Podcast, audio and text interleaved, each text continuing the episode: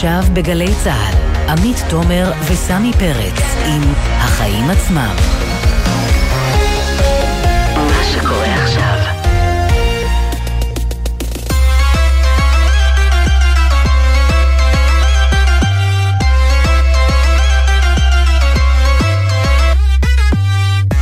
עכשיו שש וארבע דקות, אתם על החיים עצמם, התוכנית הכלכלית-חברתית של גלי צה"ל.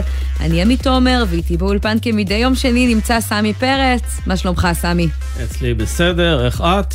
אה, בסדר גמור.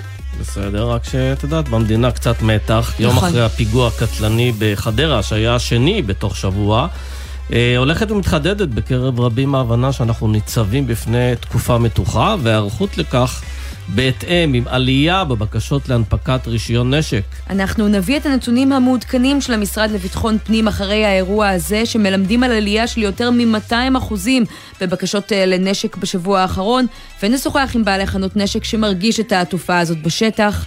אנחנו נשאר גם עם הפליטים האוקראינים, נדבר עם אנשי המיזם החדש שנעשה בשיתוף רשות האוכלוסין ומאפשר לעובדי הייטק אוקראינים שעובדים בחברות ישראליות אשרת שהייה בארץ ל-90 יום. נפרסם גם אה, מחקר אה, חדש כאן אה, לראשונה, שמביא ממצאים מעניינים בשאלה מתי על רופא להמליץ למטופלים חולי סרטן על טיפול תרופתי שלא נמצא בסל, או במילים אחרות, מה שווה יותר, כסף או בריאות? וכמובן שגם פה הקשר בין כלכלה לבריאות הוא בלתי נפרד, עד לרמה של חיים ומוות. חוץ מזה, נברר עם עינב קרנר בפינתה למה זה עולה לנו, כמה יעלה לילה במלון קדמה שמארח את פסגת הנגב, וכמה יעלה לילה במלונות היוקרה שאירחו את הפסגות האחרונות של ההנהלה הישראלית. אה, סמי, תראה מופתע, ואנחנו במקום אה, טוב וגבוה ברשימה הזאת, או לא, לא טוב לציבור. לא חשבתי אחרת. אנחנו כמובן נסיים עם טקס האוסקר שהיה הלילה, נבין מה המשמעות של הפעם הראשונה באחד הסרטים הזוכים. לא הוקרן בבית הקולנוע, אלא בשירותי הסטרימינג. אז כל זאת אה, ועוד בשעה שלפנינו, אבל קודם כל, סמי, מה הכותרת שלך היום? אז תראי, המנכ"ל של אל על, אביגל שורק, הוא התפטר מתפקידו לאחר שנה בלבד בתפקיד. הוא קיבל ג'וב חדש בתור המנכ"ל של דלק USA, אה, שזה חברה של קבוצת דלק שפועלת בתחום הדלקים בארצות הברית, זיקוק, שיווק, אה, הקמה ותפעול של תחנות דלק. ואתה שואל, מדוע הוא עבר לשם? הרי רק אה, לפני שנה הוא קיבל את התפקיד הזה. אז מסתבר כן. שהוא הגיע מדלק US, הוא היה שם סמנכ"ל, והוא רואה בזה אתגר לחזור לחברה בה הוא צמח ולתפקיד בכיר יותר. סיבה שנייה, בדלק US מרוויחים הרבה יותר מאשר באל על. החברה כבר העשירה את המנכ"ל הפורש שלה, עוזי ימין, ב-19 מיליון דולר בשנים 2018-2020, כלומר, אתה יכול לעשות שם הרבה מאוד כסף. וסיבה שלישית, תגידי, בימים אלה של מלחמה באוקראינה ועליית מחירי הנפט, ועדיין יש קורונה, ושוק התעופה עדיין לא התאושש, מה עדיף, למכור אנרגיה או למכור כרטיסי טיסה? אין ספק שזה תחום הרבה יותר כלכלי ועם הרבה פחות כאב ראש. הרבה פחות כאב ראש, הרבה פחות התעסקות עם המדינה שצריכה לתמוך בחברת התעופה עד שהדברים האלה יעמדו על רגליהם אחרי משבר הקורונה שעדיין לא הסתיים. אז uh, עשה לביתו, מה שנקרא. כן. Uh, אצלך, מה הכותרת, עמית? תשמע, איגוד המסעדנים חזקים ביחד והמנכ"ל שלהם, תומר מור, עומדים עכשיו בפני אה, הגשת כתב אישום בכפוף לשימוע, אחרי שהוא המליץ להעלות את אה, מחירי המנות במסעדות, וככה בעצם אותת אה, לשוק הזה שמאוגד תחתיו לתאם מחירים, כמובן כלפי מעלה באופן שיפגע בנו. עכשיו, העונש הזה שרוצים לתת לו כתב אישום, אנחנו עוד לא יודעים מה יהיה גזר הדין, אבל זה עניין די דרמטי. מור, שרק אתמול התראיין אצלנו כאן בחיים עצמם, חשוד שבריאיון רדיו אחר הוא אמר שנדרשת העלאת מחירי המנות במסעדות, כיוון שלדבריו הרווחיות שלהן נשחקה, וזאת פרקטיקה ידועה, כששחקן בענף מסוים רוצה להוביל לעליות מחירים, לפני שהוא עושה הוא מדבר, בתקווה שזה יוביל גם את המתחרים שלו ללכת איתו, ואף אחד מהם לא יספוג את האש הציבורית אה, לבד. נזכיר, ככה בדיוק התחילה למשל חקירת תיאום המחירים ברשתות המזון ושל ספקיות המזון, וזה תמיד מציב שאלות כמו, אז מה, זה שהוא אומר מה דעתו זה לא חוקי? והאמת שהגבולות בתחום הזה, בגלל זה מאוד דקים, ומדובר בתחום שהוא אפור. אבל במקרה של מורסמי זה ממש לא כל הסיפור.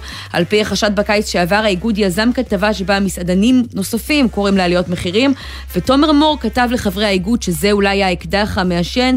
הנה, אנחנו עכשיו מכינים את הקרקע, את דעת הקהל הציבורית, כלומר הוא ידע מה הוא עושה והוא ידע למה הוא עושה את זה, הוא לא סתם אה, מה שנקרא אה, היגג, ואולי בגלל זה העונש הזה, הדין הזה, שהוא דין אה, חריג, בדרך כלל אנחנו רואים הסדרים כאלה ואחרים, קנסות.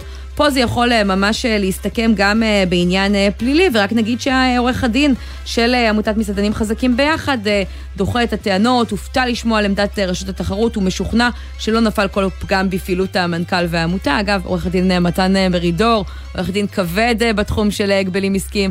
מה שאולי מעיד שבכל זאת הם קצת חושבים שהם בבעיה. כן, אז ברור שיש בעיה. אה, תשמעי, זה באמת פרקטיקה שאנחנו רואים אותה בהרבה מאוד ענפים, שבמקום לעשות תיאום מחירים, צריך להבדיל. תיאום מחירים, אני ואת יושבים פה ומתאמים מחירים. אה, התאמת מחירים היא משהו קצת אחר, זה עובד לפי איתותים. אני אומר, למשל, אני הולך להעלות מחירים אחרי החג, אני חושב שצריך להעלות מחירים, אה, אני מפיץ מחירונים חדשים לספקים, והם מעבירים כבר את הבשורה הזו בשוק, ואז השוק מתיישר לפי מה שאתה אומר. אז איפה עובר הגבול לדעתך? אה, הוא מאוד מסובך, ולראיה, עד היום בעצם רשות ההגבלים העסקיים עוד לא הגישה כתב אישום בגין מה שנקרא איתות.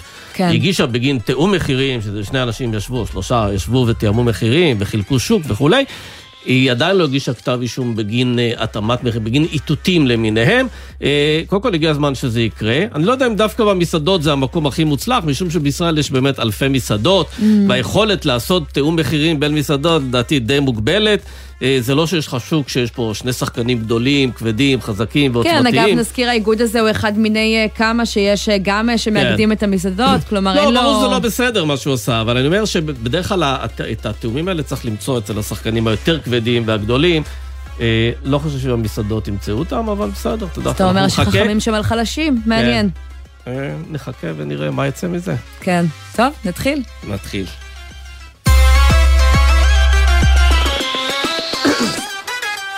אז יום אחרי הפיגוע הקטלני בחדרה וכמעט שבוע אחרי הפיגוע הקטלני אה, בבאר שבע, הכוננות הביטחונית כבר אה, הוגברה אחרי שהבנו שלצערנו לא מדובר במה שאפשר למסגר כאירוע חד פעמי, ובבת אחת חלחלה ההבנה שתקופה ביטחונית מתוחה בפתח. אה, לצד החלטות של הדרג המדיני נראה שגם בשטח אצל האזרחים ההיערכות כבר גוברת, עם גידול של יותר מפי שניים לעומת השבוע שקדם לאירוע הקטלני בבירת הנגב. בן עצר, העורך שלנו כאן בחיים עצמם, מצטרף אלינו באולפנים הפרטיים. שלום בן. כן, אז אה, שלום אה, עמית, אה, שלום סמי. רצף הפיגועים האחרון הזכיר לכולנו שוב כמה המצב הוא מורכב, והוביל בין היתר להגברת הכוננות הביטחונית ברחבי הארץ, גם להרחבת ההיתרים לנשיאת נשק לחיילים בהכשרה ולאנשי מילואים. אלא שנראה שהדריכות המוגברת לא נותרה רק בגבולות גופי הביטחון. שימו לב לזה, מאתמול בשעה 9, שעת הפיגוע הנורא בחדרה, ועד היום בשעה 12 קיבלו במשרד לביטחון הפנים 600 בקשות חדשות לנשיאת כלי, כלי ירייה פרטי. 600? 600, מאתמול ב-9 עד היום ב-12. כמה זה בימים רגילים, אנחנו יודעים להגיד? כן, אז רק כדי לסבר את האוזן, אה, סמי, הממוצע היומי עומד על 55 בקשות. עלייה היא יותר מפי עשרה מיום רגיל, ושוב, אנחנו מדברים על פחות מיום. ואנחנו כבר רואים גם לאורך כל השבוע אה, עלייה אה, בבקשות לנשק, ועכשיו עוד ממש סינוק.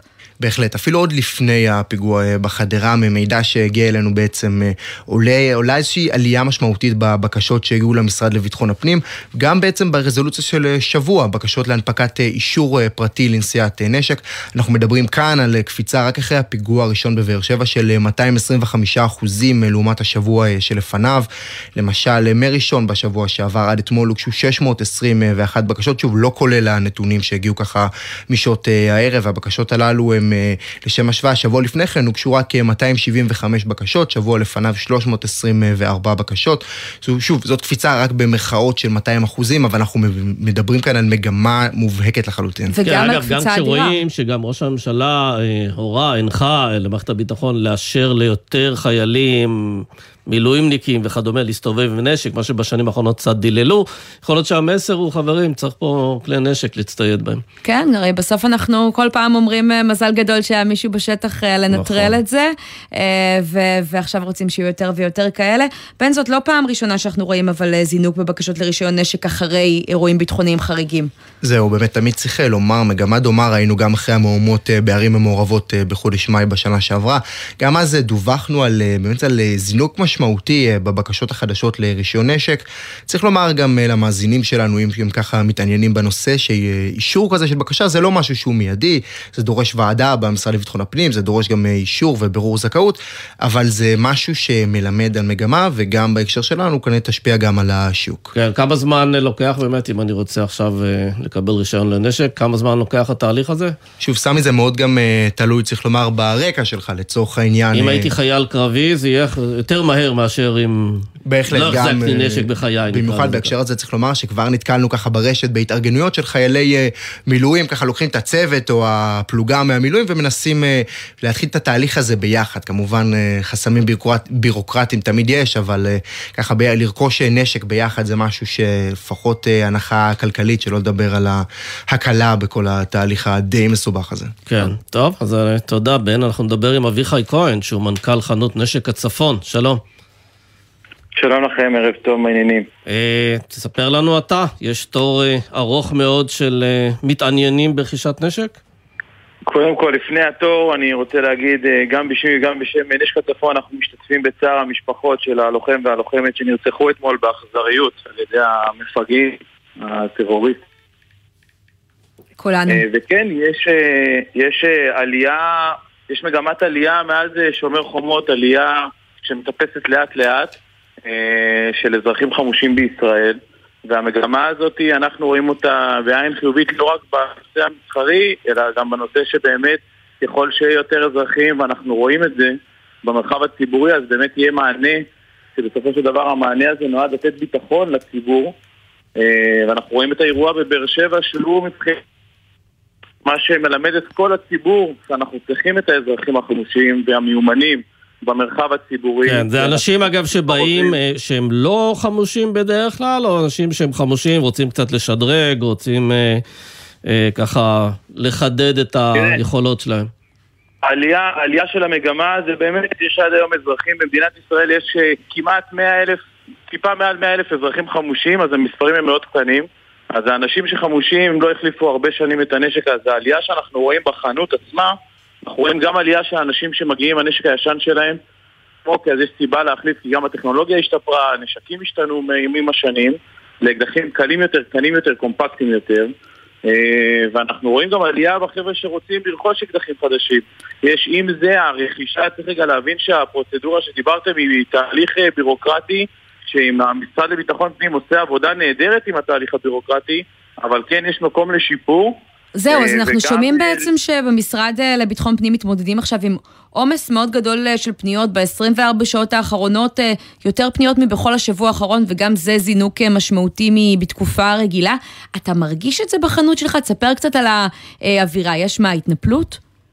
בוודאי, אין התנפלות, יש אנשים שמגיעים להתעניין. אה, אנחנו עדיין לא, אה, מה שנקרא, מוכרים אה, עגבניות שאפשר להגיע ולקנות את זה. אנחנו מוכרים נשק, וכל בן אדם שמגיש בקשה עובר בחינה במשרד לביטחון פנים, זה בחינת רקע או כל בחינה אחרת. אבל מי שמגיע להתעניין, איך האווירה? כלומר, אתה מרגיש שאנשים מגיעים והם בלחץ מהאירועים האחרונים? אנשים שמגיעים להתעניין, אנשים שהם אה, בלחץ ורוצים לממש את הזכות שלהם להתחמש, בוודאי, נראה לי שגם אה, אתם ראיתם את הפיגוע שהיה אתמול, וזה לא, זה רמה אחרת של פיגועים, זה פיגוע לא ידידותי, אה, וצריך לתת מענה, ואנחנו באמת, כמו שאמרת מקודם, צריכים להגיד תודה שהיה את הבחור בזמן הנכון, אז כן, גם... ברור. אביחי, תגיד לי, אה, לא- כמה כמה עולה אקדח בסיסי, פשוט? תראה, הרפרנס של המחירים הוא רחב מאוד, יש אקדחים ביד שנייה, זה מוצר שאפשר להתאים אותו לכל כיס, זה לא משהו שהוא לא נגיש, יש שם מגוון של מותגים חדשים, יש אקדחים ישראלים שהם אקדחים... מה לא הטווח יקרים, מחירים? מאוד. חדשים נעים מ-2,500 עד 5,000 ויד שנייה מ-500 עד 2,500 אז כל אחד יכול לעמוד בזה. ותהליך אה, הוצאת הרישיון, אה, כמה הוא ממושך וכמה הוא עולה? תהליך- התהליך של הוצאת הרישיון בנשק הצפון לא עולה שקל. כל מי שזכאי ועומד באחד הרשימת התבחינים יכול לפנות אלינו ונלווה אותו עד מעמד הוצאת הרישיון ובקנייה של האקדח. המשרד לביטחון פנים יש להם אתר מקוון, בגלל זה גם הכמות פניות היא כמות גדולה, כי זה פנייה מקוונת. כן. צריך, למי שלא מסתדר עם הפנייה המקוונת זה צריך הנגשה. יכול לפנות אלינו ונלווה אותו. אז תשמע, היתרונות של זה אה, ברורים לי, בעיקר בימים כאלה, ואני רוצה בכל זאת לקחת רגע את הצד השני ולשאול, זה לא מדאיג גם באיזושהי רמה שכל כך הרבה אנשים הסתובבו בינינו עכשיו עם אה, כלי נשק? בדיוק ההפך, בדיוק ההפך. ככל שהמרחב הציבורי יהיה יותר עם אזרחים חמושים שיכולים לתת מענה לכל אירוע ביטחוני פח"עי שקורה, המרחב יהיה רק בטוח יותר. בן אדם לא יקום בבוקר ויוכל להחליט שהוא עושה מה שהוא רוצה, כי הוא ידע שיש שם מישהו בשטח שידע לתת פתרון ומענה. Okay. עד אוקיי. שיגיעו כוחות הביטחון וימשיכו לתפעל את האירוע הזה. לסיום, אתם אה, מרגישים תרגיל... אה, עלייה במכירות של עוד אמצעי הגנה? גז פלפל למשל, מלבד נשק? אה, כן, גז פלפל זה מוצר אה, בסיסי שאנחנו מוכרים אותו לכל מי שרוצה ולא יכול לעמוד בתבחין ורוצה להרגיש טיפה ביטחון יותר טוב, או לבן אדם שאין לו אה, תבחין, אז זה מוצר שאפשר לקנות. בוא נגיד שבאירוע כמו שראינו אתמול, לא יודע כמה זה היה נותן פתרון, אבל באירועים אחרים זה יכול לתת פתרון. כן. Okay. אוקיי. אז יש עלייה גם של מוצרים נלווים. כן. אה, ואני באמת אה, פונה מפה גם, אה, אני אשתמש בפלטפורמה שלכם גם לפנות פה לשר, ש... לשר לביטחון פנים. בקצרה? הגיע הזמן לשנות, לשנות את התבחינים ולהנגיש את התבחינים לציבור. רובעי 05 הוא לוחם כמו רובעי 07. Okay. הציבור אוקיי. שבאמת יהיו יותר אזרחים חמושים ומיומנים במדינת ישראל. יפה. אביחי כהן. תודה. תודה רבה לכם.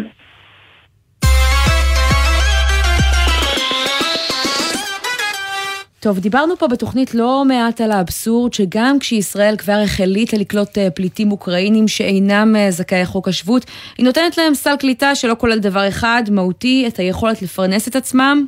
ולנו ליהנות מכוח העבודה הנוסף, אז זה לצערנו עדיין המצב, אבל בכל זאת היום מכריזים על משהו בהסתייגות אולי, בהסתייגות אחת, כן, יש ענף אחד שתמיד מצליח להתארגן טוב יותר מאחרים. בדיוק, זה כמובן אה, ענף ההייטק, שממחר רשות האוכלוסין תאפשר לפליטים אה, מאוקראינה ורוסיה, אה, שמועסקים כבר בחברות הייטק ישראליות עוד לפני הלחימה, להגיע לכאן במסלול ירוק, הליך מזורז. ולעבוד מכאן אה, בחודשים הקרובים. אנחנו רוצים אה, לפנות בעניין הזה לתמר אברמזון, מתנדבת אה, במיזם ריבוט, שמקשר בין עובדי הייטק מאוקראינה ורוסיה לבין חברות הייטק ישראליות. ותמר, אתם פעלתם כדי שהמהלך הזה יקרה, נכון? כן, נכון, נעים מאוד, ערב טוב. ערב טוב. אז תגידי, על כמה אנשים מדובר קודם כל, עובדים רוסים ואוקראינים שכבר עובדים בחברות הייטק ישראליות? אז אני אגיד לך, זו שאלה שקשה לענות עליה כי אנחנו לא יודעים בדיוק אה, מה נחשב בין, אה, עובד, עובד בהייטק, האם יועץ נחשב עובד בהייטק אה, וכולי, פרילנסרים, אבל אני כן יכולה להגיד שמאז שיצאנו עם היוזמה הזאת לפני של, שלושה שבועות פחות או יותר, אנחנו 12 מתנדבות ומתנדב מההייטק, שככה יזמנו את הפרויקט הזה ומאז יש לנו קהילת טלגרם של למעלה מ-6,000 מתעניינים אה, שרוצים להתחיל לעבוד בהייטק בישראל, אה, מרוסיה ואוקראינה. קיבלנו מאות אה, קורות חיים ולמעלה מ-200 חברות קיבלו מאיתנו כבר את הקורות חיים האלה ומתחילים להיעזר בזה, אה, וברוך השם יש לנו גם אבל לכל אה, אותם אנשים, תקני אותי אם אני טועה, המתווה הזה שסוכם עכשיו לא רלוונטי, אלא אם הם יהודים, ואז הם יכולים לעלות לישראל פשוט. זה מעולה. אנחנו בעצם יצאנו הבוקר עם שני מסלולים. המסלול הראשון הוא אישור לעובדים מאוקראינה שעובדים בחברות הייטק ישראליות ואינם זכאים לחוק השבות, תחת חוק השבות, לקבל אשרת כניסה ל-90 יום. את האשרה האשרה הזאת אנחנו אה, אה, היום אה, יוצאים עם פיילוט לנסות אה, להפיק את זה עבורם תוך ארבעה ימים. תאכלו לנו בהצלחה, אנחנו... בהצלחה. אה, אתם מכירים את, ה, את, אה, את מה שקורה עכשיו אה, אה, ואת ההצפה שמתמודדים איתה. אבל יש לכם גב מרשות האוכלוסין שגם התחייבו ליעד הזה, לא? יש לנו, נכון, יש לנו גב ואנחנו, זה יושק מחר, אז... תראי, בהייטק עד, ש... עד שלא עושים טסט ולא רואים שהכל עובד, אז אנחנו לא מכריזים על אה, ניצחון. כן, אגב, אפרופו כל אה, הדיון על מי הוא עובד הייטק, הכוונה היא למתכנתים, מהנדסים, או בכלל למי שעובד בחברת הייטק גם במקצועות לא, אחרים? אנחנו הרחבנו... אנחנו הרחבנו את היריעה, אנחנו מנסים, אה, אה, יש מחסור היום בהייטק בישראל בהרבה תחומים, לא רק בתחום התכנות, אה, ולכן אנחנו הרחבנו את זה, יש לנו בקהילה אנשים מכל התחומים, תחומי העיצוב וה-UI, UX, marketing, מתכנתים, data scientist. וכולי. אגב, אם מדובר אגב... באוקראיני שעובד בחברת הייטק לא ישראלית, יש לו אפשרות לבוא לפה, או שרק החברה חייבת להיות ישראלית? לא זכאי חוק השבות. אז המסלול השני, המסלול השני הוא אישור לעובדים מאוקראינה שכן זכאי חוק השבות שעובדים בהייטק. גם שם אנחנו מציעים אשרה תוך ארבעה ימים ומקווים שבאמת נצליח. רגע, וזה יותר מהיר ממה שמקבל זכאי חוק השבות שלא עובד בהייטק? אה, אנחנו, קודם כל זה פיילוט, זאת אומרת בחלום שלי אנחנו נצליח להרחיב את זה לכולם. אה, אז אנחנו מתחילים עם משהו אחד ואני מקווה שנגיע, זה. היום יש אה, תורים מאוד מאוד ארוכים בלנסות לקבל אשרות, אז אנחנו מתחילים במקום אחד ואני מאוד מקווה לבשר לך שזה יהיה הצלחה מה בכל זאת תגידי למבקרים שאומרים למה עובדי ההייטק פה מקבלים קדימות, גם זכאי חוק השבות וגם לא זכאי חוק השבות? אני מניחה שיש גם בתחומים אחרים כאלה שכבר עובדים עם חברות ישראליות. אני בטוחה. אה, אני יכולה להגיד שאנחנו יוזמה של אה, אה, עובדים ועובדות מההייטק שנרתמנו למשימה הזאת וניסינו לפתור אותה. אנחנו יודעים לעבוד בשפה שלנו ובתחום שלנו ובקהילה שלנו וזה מה שאנחנו מקדמים כרגע. זאת הזדמנות היסטורית מבחינתנו ואנחנו נרצה להרחיב אותה כמה שיותר אחרי שנוכיח התכנות אבל אנחנו יום לפני ההשקה ואני מאוד מקווה שנוכל אה, להגיד, את יודעת, בואו נתחיל עם בן אדם אחד, נשנה את המצב כן. בשביל בן אדם אחד. ואז אולי אה, יבואו גם ענפים אחרים. רק אני רוצה לשאול אותך משהו על לגבי השכר של אותם אנשים. אנחנו יודעים שלפי הקריטריונים, חברה, אם אתה רוצה להביא לפה עובדי הייטק מחו"ל, אתה צריך שהשכר, קודם כל צריך שהוא יהיה מומחה, ושהשכר שלו יהיה לפחות כפול מהשכר הממוצע ב- בישראל, כדי לא לעשות מה שנקרא היצף של כוח עבודה זול. וכאן, במקרה הספציפי הזה, בגלל הנסיבות... הנסיבות המיוחדות של מלחמה באוקראינה, הקריטריון הזה מבוטל? כלומר, אפשר לשלם להם כל שכר שהוא? אנחנו, אנחנו יוצרים, יוצאים לדרך עם זה כל אה, בן אדם שיצטרף לקהילה של ריבוט וישלח לנו את הקורות חיים שלו, אנחנו נוכל לעשות לזה סוג של וטינג ואנחנו אה, נמליץ עליו, אה, ל, סליחה, לרשות האוכלוסין וההגירה. אנחנו מקווים שזאת תהיה הדרך, כמו שאמרתי, מחר זה, זה, זה היום שבו אנחנו נוכל לספר באמת איך, איך זה עובד ולהגיד את זה בביטחון ואני מאוד מקווה שבאמת כל המערכות יעבדו כדי שנוכל אה, להביא את הבשורה הזאת. יפה. אה, תעדכני אותנו בעוד שבוע, שבועיים, איך זה עובד וכמה אנשים כבר הגיעו. אני מקווה שארבעה ימים. אה, מאוד מקווה שארבעה ימים, אבל אנחנו מחזיקים אצבעות לנו ולמדינת ישראל. תראו, זה טאלנט שהוא מבוקש ברחבי העולם. אנחנו, הוא גם יכול לתרום לתפוקה של מדינת ישראל ולעזור כמובן, כמו שאמרת, שאם נביא את האנשים האלה נוכל גם לצאת אחר כך ולהיות אטרקטיביים עבור קהלים נוספים. אין לנו זמן עם, עם הקהל הזה, כי הקהל הזה כל מה שהוא צריך זה אינטרנט ומחשב, כן. הוא יכול לעבוד מכל מקום, ואנחנו רוצים להגיד לו שמדינת ישראל זאת מדינה נהדרת. רק בכל זאת חשוב להזכיר שיש פה עוד כמה ענפים, אמנם לואו-טק, אבל שאמרו שהם יסמכו לידיים אה, עובדות מה, מהאזורים האלה, אבל אה, באמת אה, נקווה שהפיילוט הזה יצליח ויורחב. תמר אברמסון, תודה רבה. תודה לכם.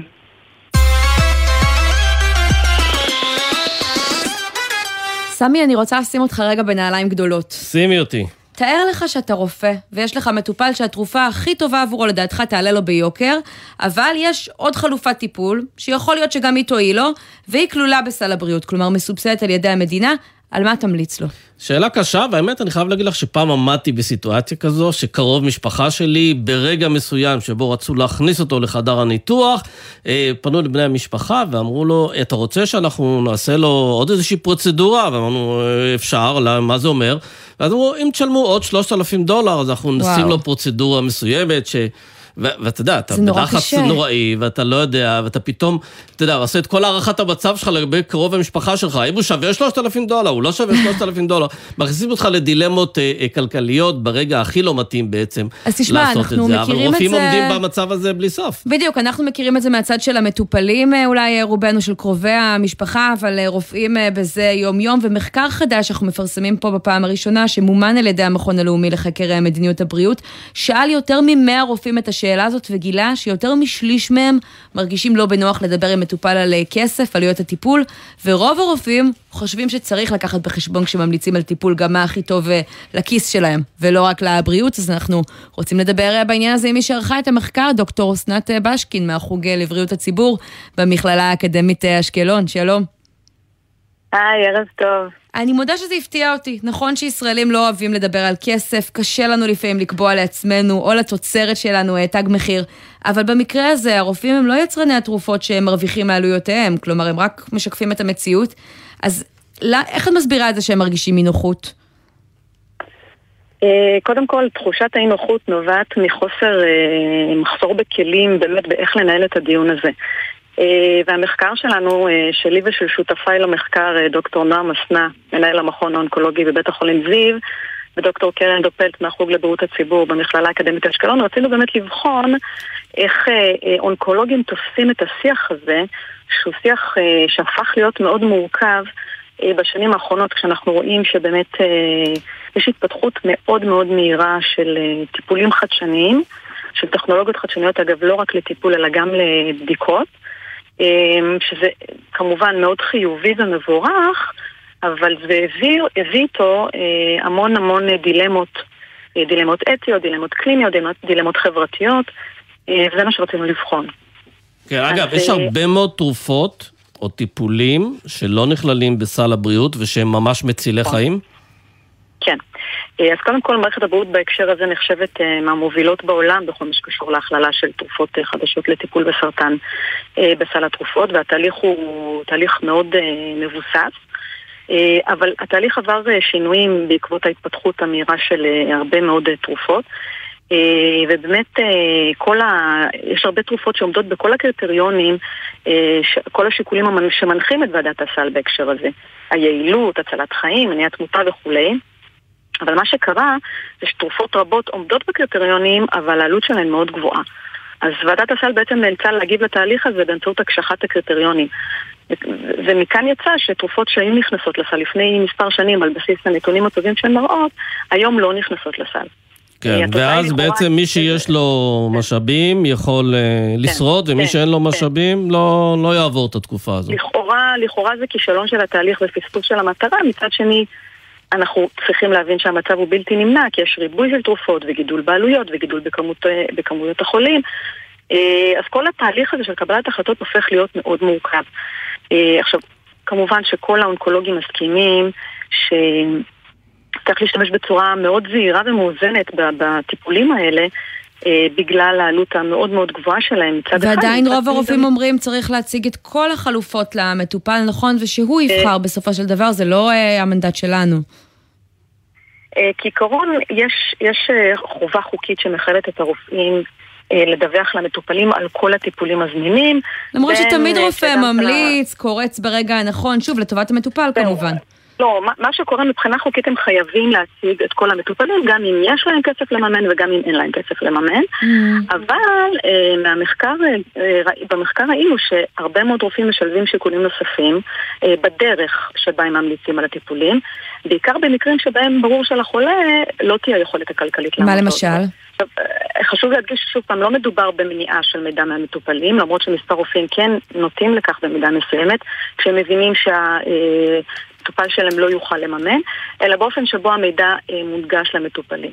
אז, אז תראו, באמת, מרבית הרופאים, אה, מעל 80% מהאונקולוגים שהשתתפו במחקר שלנו, אמרו שהם נוהגים להמליץ למטופלים שלהם על אה, תרופות חדשניות שהן לא בסל, והם גם מאמינים שצריך להציע למטופל את כל החלופות בלי קשר למצב הכלכלי שלו, אבל 60 אחוזים אמרו שהם אה, אה, חשים דילמה מוסרית ואי נוחות. כדי לא להציב בעצם את החולה ואת משפחתו בפני כן, הדילמה שאומרת, אה, מאחר ולא, אין לך כן. כסף, אתה גם לא תחיה. או התסכול, לפעמים אין פשוט דילמה, אין יכולת.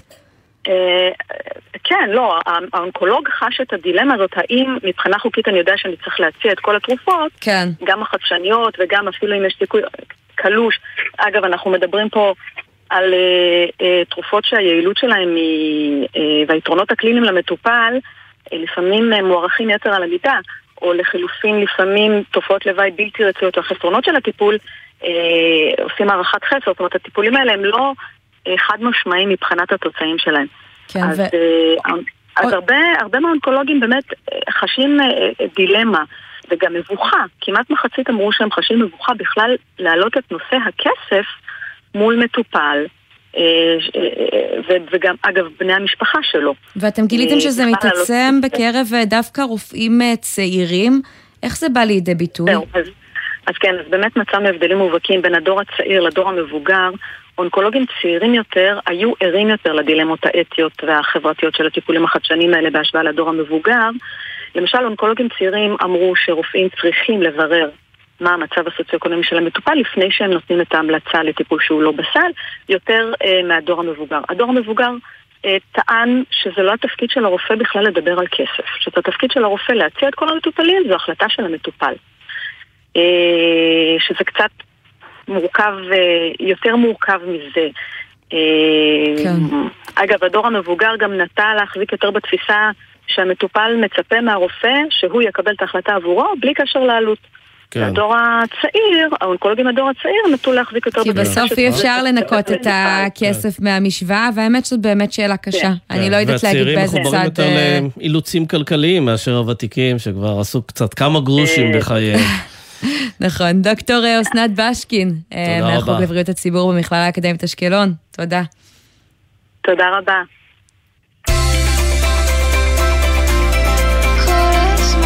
גלי צה"ל, יותר מ-70 שנות שידור ציבורי.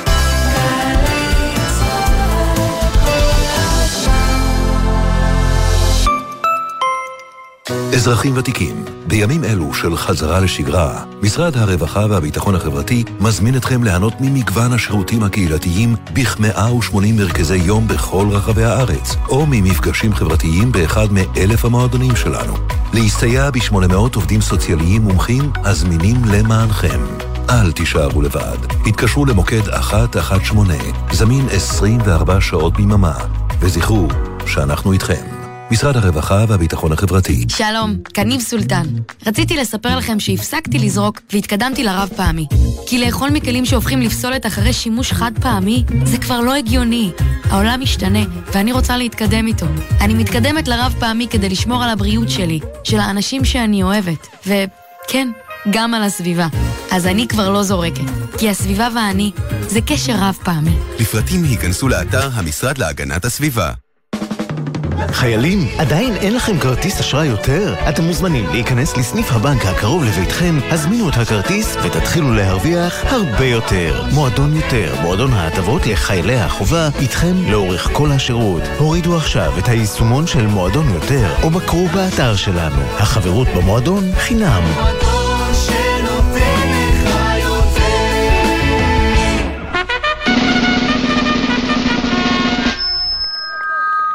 אני חי מירושלים, גאה ונרגש להזמין חופשה בארץ בחודש אפריל במחיר שפוי שאני יכול להרשות לעצמי.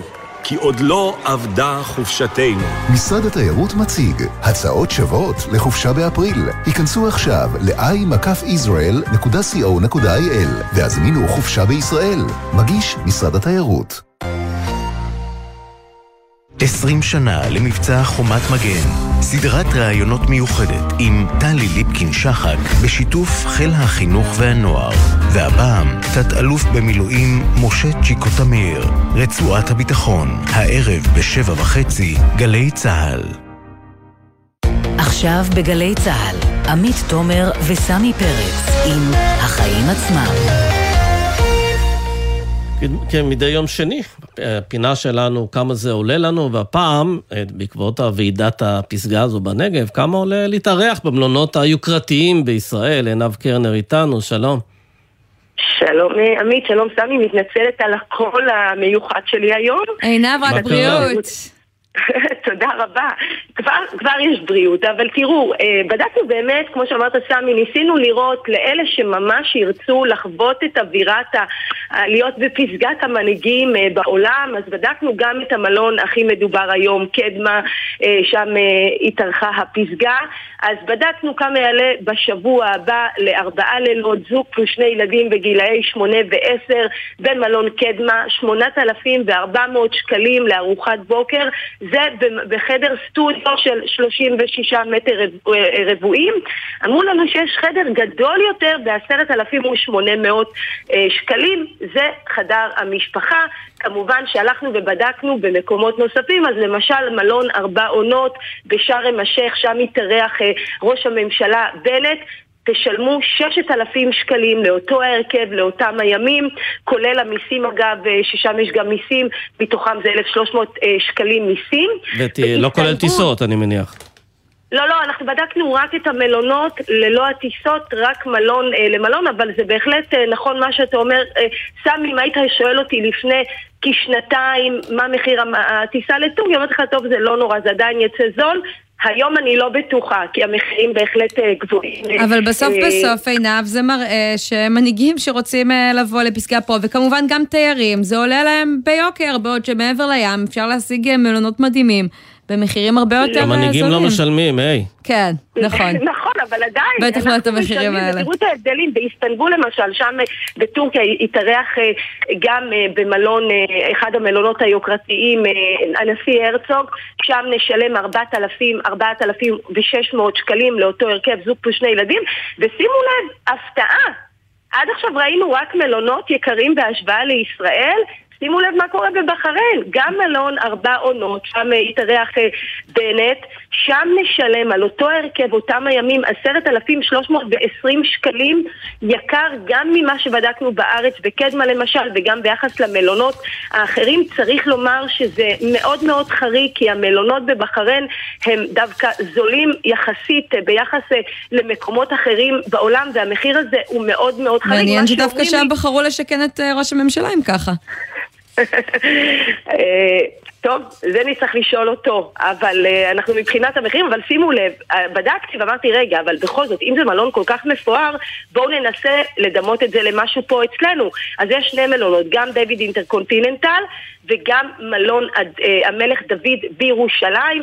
אז שימו לב, בדיוויד אנחנו נשלם 11,200 שקלים. דיוויד זה בתל אביב, כן? נכון, ובמלון המלך דוד בירושלים חמישה עשר וחצי אלף וחמש מאות שקלים. אנחנו מדברים על תקופה שזה לא high season, מה שנקרא, אנחנו עדיין לא בעונה, זה לא פסח, זה גם עוד לא התקופה שהילדים יוצאים לחופשת הפסח, ולכן תדמיינו מה הולך לקרות אה, אז בפסח. הגענו עם ה- למסקנה שצריך אה, מכולם לבחור בקדמה, זה הכי זול מכל מה שאמרת. ודבר שני, כדאי להיות מנהיג, לא. ואז זה בכלל לא עולה עוד- כלום. כן. אגב, תקשיבו, יש באמת, אנחנו אומנם לא בדקנו כמה תעלה חופשה בפסח, כי. עשינו את זה כבר מספר פעמים, אבל יש גם אפשרויות זולות יותר, וזה הכל תלוי בצרכנים. כן אפשר למצוא, ויש דברים זולים יותר, האמינו לי, חופשה לא פחות שווה. עינב, תודה רבה, לכי תנוחי קצת, ובואו אה, נפנה לאבי רבה. ניסנקור, נשיא התאחדות המלונות אה, בישראל, שלום. שלום, אחר צהריים טובים. תגיד, קודם כל, כשישרוטל אה, מארחת אה, ועידה כזאת, אני מניחה שזה לא הסכומים שהיא אה, גובה תמורת הזכות לארח את המנהיגים וגם לזכות ביחסי ציבור רבים כתוצאה מכך. אני לא יודע, אבל uh, אני שמח שהוועידה התקיימה, ואני שמח גם שזה התקיים ליד uh, הצריף של בן גוריון. זה בטוח. ואני חושב שזה אירוע מאוד חשוב, כן? כן, אז תגיד, באמת, אנחנו ערב אה, חג הפסח. אה, קודם כל אני רואה שנתב"ג מפוצץ בנוסעים ישראלים שטסים לחו"ל, אה, אחרי באמת כמעט שנתיים שלא ראינו את נתב"ג ככה עמוס, אז פתאום די עמוס. איך זה משפיע על שוק המלונאות המקומי? יש קצת ירידה בביקושים? לא, בתי המלון בפסח באופן כללי מלאים, ויש עדיין מקומות כמובן, אבל יש תפוסה מאוד גבוהה. אה, דרך אגב, בכל הארץ, לא רק באילת, אנחנו באמת רואים תפוסה בכל הארץ. אבל ש- והמחירים, המחירים, כשמדברים על מחירים, צריך לקחת בחשבון. יש מאות בתי מלון, יש גם מגוון מחירים מאוד מאוד גדול. נכון, ועדיין נראה לי שהשווינו פה באיזושהי רמת תפוחים לתפוחים, אה, מלונות, אה, נכון, מלונות יוקרה, אבל כאלה שהמנהיגים שלנו בוחרים אה, להתארח בהם, כלומר, פחות או יותר באותה כן, רמה. איך אתה מסביר את הפערים האלה? זה מאוד פשוט. כן. את, אתם, אתם משווים נניח לאיסטנבול או לשארם, מה עלות העבודה שם? מה עלות המזון שם? מה עלות הדיור שם? אנחנו מדברים על מקומות לא שבהם... חושבת שזה עלות- מגיע למאות אחוזים אה, עלות העבודה, למשל. בוודאי שכן. את אומרת, בוודאי שכן. עלות, ואני בעד- אולי זה בגללך, אתה הרי בזמנו דאגת להעלאת שכר המינימום, לא? אז יכול להיות אני לא שיקר שאנחנו- פה. אני, אני לא חושב שצריכים לשאוף להוריד עלויות שכר של עובדים. אבל אה, צריך לקחת, אה, כי גם עובדים הם בסופו של דבר, הם גם צרכנים וגם אה, צריכים לחיות בכבוד. אבל אנחנו צריכים להשוות את עצמנו למדינות מערביות מתקדמות ולשאוף להיות מושווים לשם, ולא להיות מושווים למדינות אחרות. אז ברור שכשאתה מסתכל על, על מקומות שעלות העבודה היא מאוד זולה, שהרגולציה מאוד זולה, שעלות המזון היא מאוד זולה, ושעלות הדיור היא מאוד זולה, אלה הדברים שמרכיבים את, ה, את, את העלויות בבתי המלון, פלוס כשרות וכולי. כן, אגב, אתה ש... לא מודאג עכשיו כשפותחים את הטיסות וישראלים אה, נוסעים יותר ויותר, שהתייר הישראלי יבוא חשבון עם בתי המלון המקומיים ויגיד לעצמו, מאה אחוז, אה, קראו אותנו במחירים, אנחנו נלך לנפוש במקומות אחרים. אני חושב שהתייר הישראלי אה, יכול לנפוש גם בארץ וגם בחו"ל, ויש לנו ארץ שהיא ארץ נהדרת. וכמו שאני רואה ואני מקווה שנראה שנת שיא בשנת 23 ונראה הרבה מאוד תיירות נכנסת, גם התיירות פנים אה, היא צריכה להיות יותר מתוחכמת, צריכה להחליט מתי היא נופשת, איפה היא נופשת, באיזה תאריכים ובאיזה אזורים, ואנחנו צריכים להשביח ולהשקיע בכל האזורים הגיאוגרפיים בישראל בשביל באמת לעשות כמה שיותר אופציות לתיירות. אגב, דיברת על עלויות העבודה היקרות יחסית פה בישראל. ראינו שלעולם ההייטק כן מביאים עכשיו פליטים מאוקראינה שיעבדו בו, ויכול להיות שגם יעבדו בשכר יותר נמוך. אה, אתה אה, לוחץ על הממשלה לאפשר לכם להביא עובדים זרים בכמויות יותר גדולות, כדי להוזיל. עלויות? לא בשביל להוזיל עלויות, אלא בגלל שיש לנו מחסור מאוד מאוד גדול של עובדים. ו- ואני חושב שחלק המחסור צריך, חלק המחסור על ידי הבאת עובדים זרים, ויש לנו תפקידים שישראלים היום אה, פחות עובדים בהם, ו- ולכן זה מייצר מחסור מאוד מאוד גדול, לא בגלל פערי עלויות, אין בפועל פער עלויות אם אתה מביא עובד זר. אז מה אתה אומר על זה שבעצם אה, הממשלה, אה, אתה יודע, אתה פונה אליהם כבר בשבוע שעבר, מבקש להביא עובדים אוקראינים, התאחדות המלונות אומרת, אנחנו צריכים ידיים עובדות, לא מגיבים לזה בינתיים, אבל להייטק נותנים מסלול ירוק. אני חושב שזו טעות קשה של המדינה, גם במישור המוסרי. יש פליטים, דרך אגב, הפליטים שמגיעים הם, הם בלי אשרת עבודה. עכשיו, הפליטים באים, נמצאים פה מספר חודשים, ואיך הם יתקיימו בתקופה הזאת בלי, בלי, בלי אשרת עבודה זמנית? אז המדינה צריכה בסופו של דבר לראות את המכלול ולתת, אז זה לא יסכן שום סיכון דמוגרפי, זה לא יפגע באופי של מדינת ישראל. זה בסך הכל פתרון הומניטרי ש, ש, שהוא צו מוסרי וגם נותן בסופו של דבר פתרון למקומות שבהם יש מצוקת עבודה. וזה גם לא ייקח לא מקומות עבודה של ישראלים, אתה אומר? כי במילא יש מחסור וישראלים לא רוצים לעבוד במלונאות? יש לנו היום. לשמחתי, אה, כבר מצבת העובדים שלה, שעובדים בענף הזה גדלה עכשיו בחודשים האלה. יש מעל, מעל 40 אלף עובדים שעובדים בענף, ועדיין יש מחסור של בערך 8,000 עובדים, שזה בסופו של דבר גם פוגע בשירות, אנחנו רוצים לתת שירות מקסימלי. וחלק מהמחסור אין לו ביקוש. כן. ולכן הדרך לפתור את זה זה על ידי עובדים זרים. אה, אני רוצה לסיום לשאול אותך על עוד אירוע אקטואלי אה, אחד, באמת אה, הפיגוע שהיה בחדירה מצטרף אליי, הפיגוע בבאר שבע. אתם חוששים שהתיירות תיפגע כתוצאה מהעלייה במתיחות עכשיו? כרגע לא. Mm-hmm. אני חושב שהתייר והתיירות הנכנסת הפנימה את זה כבר במקרים קודמים, וכרגע אנחנו לא מזהים שום פגיעה. אני מקווה בסופו של דבר ששקט יישמר, כי בסופו של דבר קודם כל לנו כישראלים. כן, רגע, רק, רק במילה, איזה אחוז מההזמנות, נגיד, לחג הפסח זה של תיירים? כרגע עוד לא, לא. חג הפסח זה חג שבעיקר, בעיקר של ישראלים. של מקומיים, כן. בעיקר חג, בעיקר חג של תיירות פנים, אבל אנחנו רואים אה, עלייה מתמדת בהזמנות מחו"ל. אנחנו לא נראה השנה שנת שיא, אבל אם נעבוד נכון, שנת 23 יכולה להיות שנת שיא לתיירות הנכנסת. בד בבד עם עידוד כן. התיירות פנים, גם פברואר דרך אגב, אם ניקח את שנת 2019, שהייתה שנת השיא עד היום, mm-hmm. אז בפברואר תיירות נכנסת הייתה 15 אחוז, תיירות פנים הייתה 15 אחוז יותר. כן. בפברואר 2019. אבי ניסנקורן, תודה רבה. תודה. תודה רבה, אחר צהריים טוב.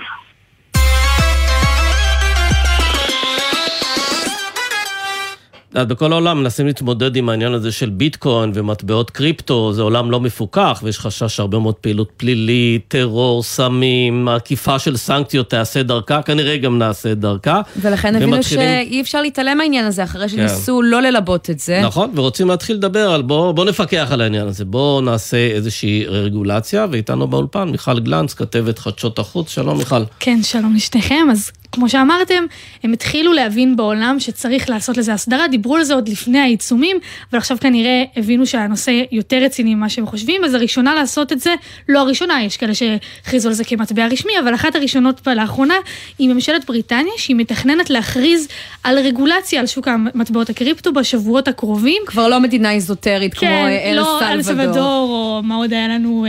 האיים, כל מיני איים קטנים וכאלה, אז עכשיו זה ממש בריטניה. אה, ב-CNBC אומרים לנו שבארבעה שבועות הקרובים הם מתכננים להכריז על משהו יותר מסודר. צריך להזכיר למי שעוקב, כי בסופה האחרון הבנק המרכזי של אנגליה קרא, לקו, קרא לקובעי המדיניות לחזק את הסדרת הקריפטו, כדי למנוע בעיקר מאיום על השווקים היציבים האחרים. זאת אומרת, פחות מעניין אותם העיצומים, מרגישים שזה כבר מתחיל להיות שוק מאוד גדול וכנראה לא מפוקח אה, מספיק. כן, כי הבנק המרכזי בעצם אחראי על הפעילות הכלכלית, על היציבות, ופתאום בא לו שחקן חדש כן, שמתחרה לו, בו. ומאוד מאוד גדול. אז עכשיו, גם אם מדברים על העיצומים, גם צריך להגיד שברקע הקריפטו מאיים להרוס את התוכניות של לא רק של השווקים הרחבים בבריטניה, אלא בכל העולם, ובתחילת השבוע יושב ראש הפרלמנט הרוסי הסביר כי ברוסיה שוקלים להתחיל לקבל תשלומים בביטקוין עבור ייצוא נפט וגז טבעי, כלומר איפה שהטילו עליהם עיצומים, הם אומרים שזה רק ממדינות ידידותיות, זאת אומרת, טורקיה או סין, הם אמרו להם שהם יכולים לקבל ממטבעות לאומיים, שזה אה, רובל, יאן, לירה טורקית, אבל גם אפשר, גם אפשר בביטקוין, הם מאוד מאוד ממליצים על זה. כן, ומיכל, בצד השני של הגלובוס ברוסיה גם כן עשויים להיעזר בקריפטו כדי לעקוף את העיצומים על השווקים הרגילים. כן, זה מה שהם אה, אמרו עכשיו, וגם לא רק שהם אומרים שאפשר לעקוף את העיצומים שאמרו להם, הם גם מאוד מקווים שעם הצעד הזה שציינתי, הם יוכלו לעקוף בעיקר בשווקים שהכי מתקשים. זאת אומרת, אם יביאו להם בביטקוין במטבע שמתחזק, הם יוכלו לחזק את עצמם כן. כמה שיותר. זה משחק של שוטרים וגנבים, כי כן, בסופו של כן. דבר יבוא איזה רגולטור, איזה מפקח על, ויבוא ויגיד, בוא, בוא נראה איך אנחנו מוצאים את הדבר הזה. אז אה, איתנו... בוא נדבר עם הרגולטור אצלנו. בדיוק, אילן גילדין, שהוא כלכלן ראשי ויועץ אסטרטגי ברשות לניירות ערך. שלום אילן. אהלן, מה מצב? אה, בסדר, תשמע, בכל העולם עושים אה, אה, באמת צעדים, מנסים לראות איך מטפלים בזה, וגם אצלנו אני מניח שאתם בוחנים את זה. מתי אתם תטילו פיקוח כלשהו על שוק הקריפטו? אז אני יכול להגיד שרשות ניירות ערך כבר עשר שנים יושבת על התחום, ואנחנו, בכל מה שנוגע לקריפטו ודיני ניירות ערך, אנחנו כבר הבענו את עמדתנו. כל, כל נכס דיגיטלי שמכיל מאפיינים של ניירות ערך, הוא נכנס תחת ההסדרה שלנו, אבל אני יכול להגיד שהמדינה בכללותה יצאה לפני מספר חודשים, שר האוצר הוציא את משרד האוצר לבדיקה יותר רחבה, יותר הוליסטית, של uh, מגוון מאפיינים שונים שנוגעים לקריפטו, גם מיסוי, גם בנקאות. אבל הנה, גם... אילן, אתם אומרים אנחנו מסתכלים על זה כבר עשר שנים, ויש תחושה שמוקמות עוד ועדות ועוד ועדות, ואין ממש תוצאות בשטח. למשל הבנקים עדיין לא מקבלים uh, מטבעות uh, או הכנסות בשקלים ממטבעות uh, דיגיטליים, uh, בשונה מהנחיות uh, שהיו לשקול כל מקרה uh, לגופו. בבורסה עדיין לא ממש uh, ברור uh, מה קורה עם החברות uh, שמתעסקות בזה, ועוד ועוד. אני חושב שזה תחום שמתפתח בקצב אקספוננציאלי בעשור האחרון. אמ, הרבה יותר מהר ממה שרוב הרגולטורים ברוב העולם יכלו להתמודד איתו עד עכשיו. אני יכול להגיד שבעשר שנים האחרונות גם בישראל אה, נעשו תהליכים כדי לקדם את התחום, גם אצלנו וגם אצל רגולטורים אחרים, ואני יכול להגיד שאני צופה שבחודשים הקרובים הקצב יואץ. אז זהו, אז תשמע, אחת הסיבות בעצם לפעילות בקריפטו זה האנונימיות, הדיסקרטיות הזו. ממשלה, הרשויות לא יודעות מה אני עושה. השאלה אם ההסדרה שאתה מדבר עליה, היא צריכה להגיע למצב שבו תהיה שקיפות מלאה, לפחות כלפי הרשויות. מי פועל בתחום הזה, מה העיסוק שלו, מה מקור כספו, אותה פרקטיקה שנקראת דע את הלקוח שמקובלת במערכת הבנקאות. אז אתה צודק, אז צריכה להיות פה מין השקיפות. אה, הקריפטו הוא פסדו-אנונימי, אנחנו קוראים לזה, או אנונימי חלקית. אבל צריכה להיות שקיפות שבגדול תאפשר לנו להגן יותר טוב על הלקוח, על הלקוח בקצה, על ציבור המשקיעים. אנחנו, כשאנחנו נוכל לאסדר ולפקח על התחום בצורה יותר אדוקה, אני רוצה להגיד שאנחנו נוכל לעשות זה לטובת המשקיע. וחלק מזה זה אומר גם עיבוד חלק מאותה אנונימיות, אבל זה, זה, בא, זה בא עם זה, ביחד. כן, ואתה חושב שרוב השחקנים בשוק רוצים דווקא את ההסדרה הזאת? זה מרגיש להם שהפעילות העסקית שלהם תצמח ברגע שזה יהיה קצת יותר מוסדר? אני יכול להגיד לך שאנחנו מדברים עם הרבה חברות בתחום, Mm. והם משוועים לרגולציה. זאת אומרת, יש לנו פה תת אה, סקטור טכנולוגי, והרבה חברות ישראליות מוצלחות, או לא מעט חברות ישראליות מוצלחות שכבר יצאו מכאן, שנוגעות לתשתית של הקריפטו, גם לסייבר, גם לתשתית עצמה. ואני יכול להגיד לך שהם משוועים לרגולציה כדי שהתעשייה הזאת תתפתח בישראל, תייצר יותר מיסים, יותר מקומות עבודה, תתרום לתוצר הישראלי. אז אילן, ואנחנו רצון טוב יש. אבל מתי זה מתרגם. למעשים? מתי נראה את זה קורה? הערכה שלך לסיום? אז uh, כבר עכשיו, כאמור, יש אה, בדיקה רחבה של משרד האוצר. אני, שר האוצר שם את זה בעדיפות אסטרטגית. אני מעריך שבחודשים הקרובים אנחנו כבר uh, נראה את תוצאות אותה, אותה בדיקה, ואני מקווה מאוד שאנחנו נוכל להביא את זה להסדרה כבר בזמן הקרוב, כן. לטובת הכלכלה הישראלית. אוקיי, אילן גילדין, הרשות לניירות ערך, תודה רבה. בשמחה. תודה.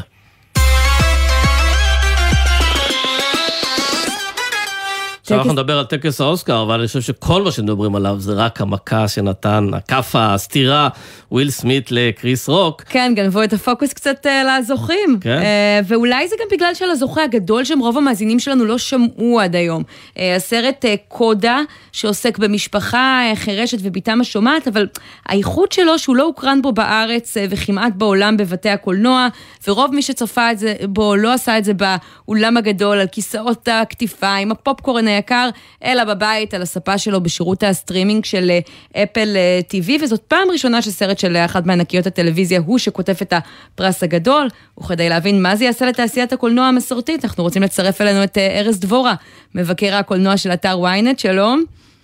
שלום וברכה. גילוי נאות, גם היית אה, מורה שלי לתולדות הקולנוע, אז מה, אתה כבר כותב את אה. הפרק הבא, תולדות הסטרימינג? אני, אולי את הפרק הבא, מותו של הקולנוע, נראה לי יותר לעניין. אבל כבר הספידו אותו כל כך הרבה פעמים. אה, נכון, אבל אנחנו כן רואים שיש בשנים האחרונות שינוי, אה, הייתי קורא לו סיסמי, שתהליכים של אה, שינוי טכנולוגי ושל שינוי בהרגלי צפייה והתהליכים האלה הואצו בתקופת הקורונה וטקס האוסקר הוא בעצם אה, אה, כולו סימפטום אחד גדול למצב הקשה של התעשייה. אז אתה לא נשמע מרוצה מזה שדווקא אה, זה הסרט אה, שזכה, הסרט שבעצם אה, נעשה עבור אה, ענקי טלוויזיה. קודם כל הוא סרט בינוני, נתחיל מזה, אבל, אבל האוסקרים אף פעם לא היו... אה, מופת של סרטים מעולים. כן. זהו, אז, אז זה לא, אז, אז נתחיל מזה. זאת אומרת, ותמיד יכולה להיות שאלה למה דווקא הסרט הזה זכה ולא סרטים אחרים, והיו, אני חושב רוב הסרטים ברשימה היו סרטים אה, יותר, אה, יותר ראויים לזכייה מאשר הסרט שזכה. והעובדה שתעשיית הקולנוע האמריקאית בוחרת לתת פרס לסרט שהוא גם איזשהו, נקרא לזה, ניחום בינוני, וגם אה, סרט שהוא בכלל לא של התעשייה עצמה, הוא עוד אינדיקציה לזה שבמובן מסוים הוליווד אה, לא מאמינה יותר ביכולת שלה לייצר אה, אבל זה סרטים, נשמע אה, לי דווקא דבר כאן. טוב. תשמע, אם אני אה, כחובב תחרות לצורך העניין, אני חושב שזה דבר כן. טוב שיש תעשייה שמאיימת על תעשיית הקולנוע, אולי תגרום לה לעשות דברים אחרת, טוב יותר. לא, אני, אני אומר למה, אני מצטער שאני נשמע כל כך נחרץ. אני חושב שהסתירה של וויל סמית אה, מסתירה סתירה הרבה יותר משמעותית שהייתה בתוך הטקס. והסתירה המשמעותית יותר היא שכשנתנו לצופים רגילים, אנשים רגילים, לבחור את הקטעים הגדולים בעיניהם בקולנוע, אז הם בחרו חמישה קטעים, ש, ששלושה מתוכם היו מסרטי גיבורי על. רגע, אחד- אבל זה לא אומר שבסוף הזכייה הזאת, זה לא אומר שיעשו עוד יותר סרטים, גם עבור היוצרים, אתה יודע שיהיה עוד במה לזה, אה, ואולי גם במה כלכלית יותר? תראי, בעיקרון הוליווד כמעט מוותרת לחלוטין על שוק הסרטים הבינוני. כלומר, כשהוליווד רוצ... היום עושה, בשנים האחרונות, היא עושה פחות ופחות סרטים. כן. היא עושה אותם בדרך כלל באותו ז'אנר. ארז, סליחה שאני קוטעת. אותך, מתברר כן. שנגמר לנו הזמן, אבל אנחנו נמשיך את השיחה הזאת פעם אחרת, כי זה נושא מרתק, המון תודה. תודה גם לבן נצר שערך את המשדר, לנמרוד קהלני, עשהאל פלד ובר גולדפרב שהפיקו על הביצוע הטכניה אור מטלון, ובדיגיטל, אביתר ברון. בחסות ביחד בשבילך, מועדון ההטבות לחברי הסתדרות. מהיום אפשר לקנות ולחסוך בהוצאות. אתם מוזמנים להצטרף חינם, ותוכלו לחסוך במגוון בתי עסק ובפעילויות. בחסות חברת לבנת פורן, המציעה סיוע של צוות רופאים ומומחים, גם בתהליך קבלת פטור ממס הכנסה. כוכבית 2468 בחסות מועדון הצרכנות הוט, המזמין את עמיתיו ללילה הלבן באיקאה. אירוע קניות, הטבות ופעילות לחג הפסח. עמיתי מועדון הוט, מחכים לכם באיקאה ביום חמישי הקרוב. גלי צה"ל, יותר מ-70 שנות שידור ציבורי.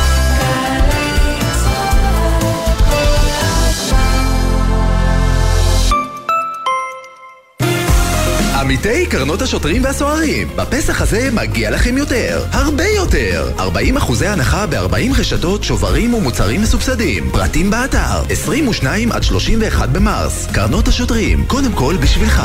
קרנות השוטרים, קודם כל בשבילך. בשנה הקרובה אתם עומדים לשמוע הרבה... יש! וגם... אני לא מאמינה! ולא מעט... זכינו! 30 אלף, כן, 30 אלף זכאים, יזכו השנה להגשים חלום ולזכות בדירה בהנחה, בהגרלות של משרד הבינוי והשיכון ורשות מקרקעי ישראל. אז בהנחה שאין לכם דירה, ובהנחה שאתם זוג נשוי או רווקים בני 35 ומעלה, יש לכם סיכוי לזכות בדירה בהנחה. חפשו ברשת דירה בהנחה, תקווה לדירה במרחק הגרלה, כפוף לתקנון. מרכז הסייבר הלאומי, משטרת ישראל וחברות מובילות מבצעים את מחקרי הסייבר שלהם באוניברסיטת בן גוריון. 40 אלף בהייטק ובסייבר למדו באוניברסיטת בן גוריון. עשרות חברות הייטק וסייבר מובילות פועלות בפארק ההייטק שליד אוניברסיטת בן גוריון. מכל זווית שתסתכלו, אוניברסיטת בן גוריון בנגב, הלב הפועם של הסייבר בישראל. אתם מוזמנים להצטרף ליותר מ-50 אלף סטודנטים המשלבים את התואר במסלול החיים. האוניברסיטה הפתוחה, מובילים להצלחה. כוכבית 3500, ההרשמה בעיצומה. רוכבי אופניים חשמליים וגלגינוע קורקינט חשמלי. החוק החוק מחייב כל רוכב בכל גיל ובכל רכיבה לחבוש קסדה שמוצמד לה מחזיר אור. איך יודעים אם לקסדה יש תו תקן? מה הזמן שאחריו רצוי להחליף קסדה? למה חשוב למדוד אותה בעת הרכישה? איך חובשים אותה נכון? למידע נוסף חפשו בגוגל אסקרלבד.